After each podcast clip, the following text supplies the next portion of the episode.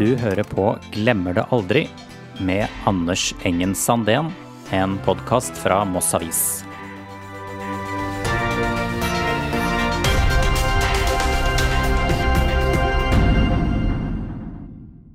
Og da stikker han jo.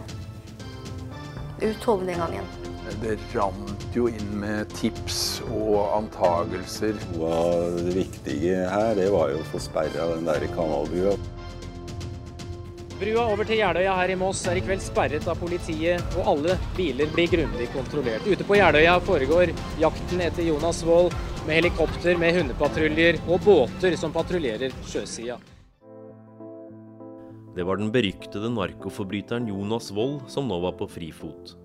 Tidligere på kvelden hadde han på spektakulært vis rømt fra en bedre middag på Refsnes gods, hvor han feiret sin 33-årsdag sammen med en venninne og en fengselsbetjent. Siri Ølslegel satt i resepsjonen på det ærverdige hotellet denne kvelden. Han, øh, var høy og, og slank, øh, med litt sånn halvlangt, øh, bølgete hår. Og jeg vet jo veldig godt hva han hadde på seg. Han hadde på seg en olabukse og en mørkeblå Lacoste-genser. Han stakk seg litt ut. Og så var han litt blåkjekk når han kom. Og jeg spurte kan jeg hjelpe til med noe. Ja, det kan hende du kan det. Jonas Wold hadde i løpet av 70- og 80-tallet slått seg opp som en storsmugler av narkotika inn til Norge. Men i 1984 raknet Wolds narkoimperium da han ble pågrepet i Portugal. Tilbake i Norge fikk han en rekordlang fengselsdom som han sonet i Moss hjelpefengsel. Denne kvelden hadde han fått lov til å feire 33-årsdagen sin på Refsnes gods. Alt tyder på at flukten fra godset var godt planlagt. Wold bestilte vin og andebrys til middag, men ikke lenge etterpå klaget han på mavesmerter. Det hadde vel gått eh, en stund før han en gang var ute og spurte etter veien til toalettet. Og da viste jeg han døren ned i kjelleren, for der er det, er det toalett. Er det fortsatt. Så han gikk ned der.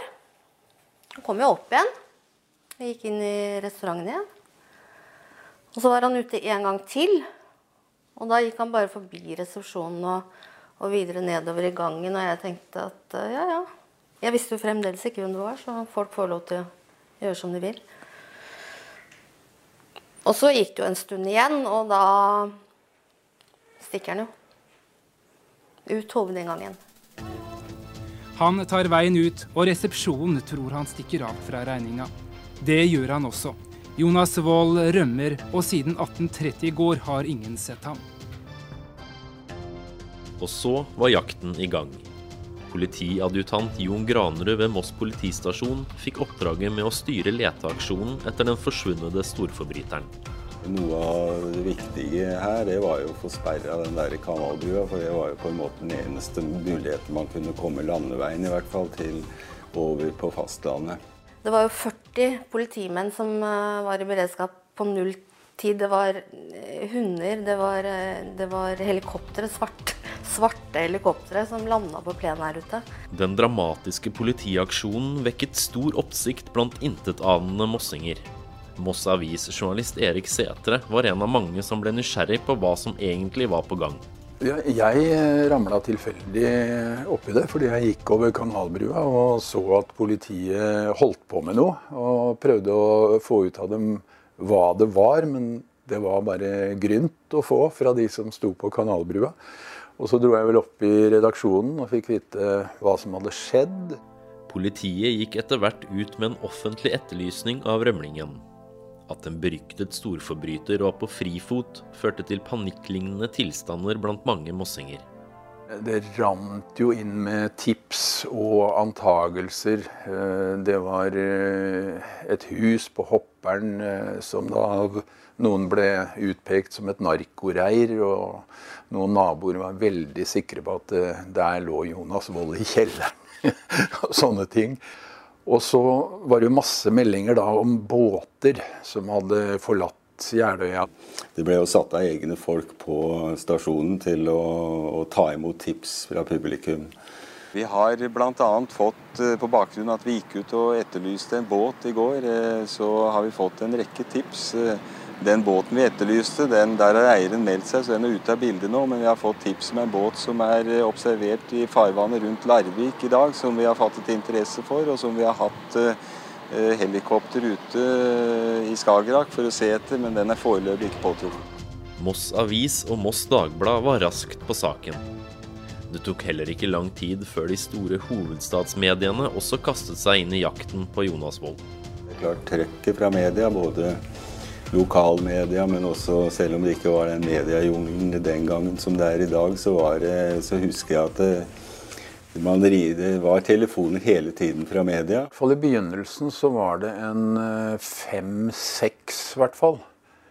Uh, som ble um, satt på den saken. Og da ble det jo bare fordelt. Ring hit, ring dit. Dagbladet, Aftenposten, VG, Fredrikstad Blad, Mossavisen var jo på hele tiden. Og Mossavisen og VG var faktisk hjemme hos meg, og Dagbladet sto på Ja, de var, lå litt sånn i buskene. Det var sånn at jeg måtte si til dere, til Mossavis, at uh, nå er det bra. Nå får du bruke noen gamle bilder. Til tross for den massive leteaksjonen var det ingen spor etter Jonas Wold noen steder. Etter hvert som timene og dagene gikk, ble det rettet en rekke kritiske spørsmål til de ansvarshavende. Og det alle undret seg over, var hvorfor ble ikke Jonas Wold passet bedre på? Politiet sier altså at de er sjokkert over at han har vært ute hele 22 ganger uten at de har vært informert i det hele tatt. Ja, det, Akkurat det vet ikke jeg om. Vi, vanligvis så melder vi fra til politiet når det gjelder eh, permisjoner og den slags. Men når det gjelder en framstilling som vi skal ha, som eh, vi mener sjøl at det ikke er grunnlag for å, å, å, frykte, så finner ikke vi at vi skal behøve å være verken Ikke er pålagt, og ikke skal vi måtte behøve å bry politiet med den slags i tide og utide. Det var vel ikke helt i tråd med de instrukser og retningslinjer som fant sted her ute den gangen. Verken eh, Ja, jeg skal ikke kritisere for mye eller si for mye om det, men eh, det er klart at eh, hadde man fått gjort om igjen den bursdagsfeiringa, så tror jeg det hadde blitt regissert på en annen måte.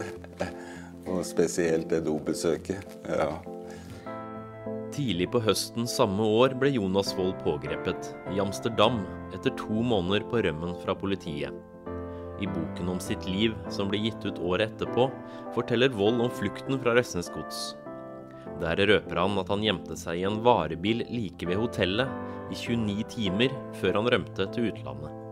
Det kan godt være at det er riktig, at det sto en varebil i nærheten her, og at han lå der bak i den i 29 timer. Men det det er vel også, det underbygger vel kanskje også en, eh, en, den mistanken vi hadde til at han må ha hatt eh, hjelp uh, utenfra. Hvis jeg i noen retning skal tenke noe om det, så tror jeg kanskje det var det som var sannheten. At han gjorde det. Uh, et par døgn. Jeg, jeg, tenkte vel, og tenker vel fortsatt, at jeg, jeg vet ikke om det er helt riktig. Det er vel en opplysning som stammer fra han selv. Og i hvilken grad skal man stole på en eh, kar som da er blitt dømt ikke bare én gang, men to ganger også for uh, temmelig alvorlige narkotikaforbrytelser. Nei, jeg er litt i tvil. Du har hørt 'Glemmer det aldri' med Anders Engen Sandén, en podkast fra Moss Avis. Nyhetsinnslagene du hørte, var fra NRK Dagsrevyen. Musikken var ved Kim Granholt.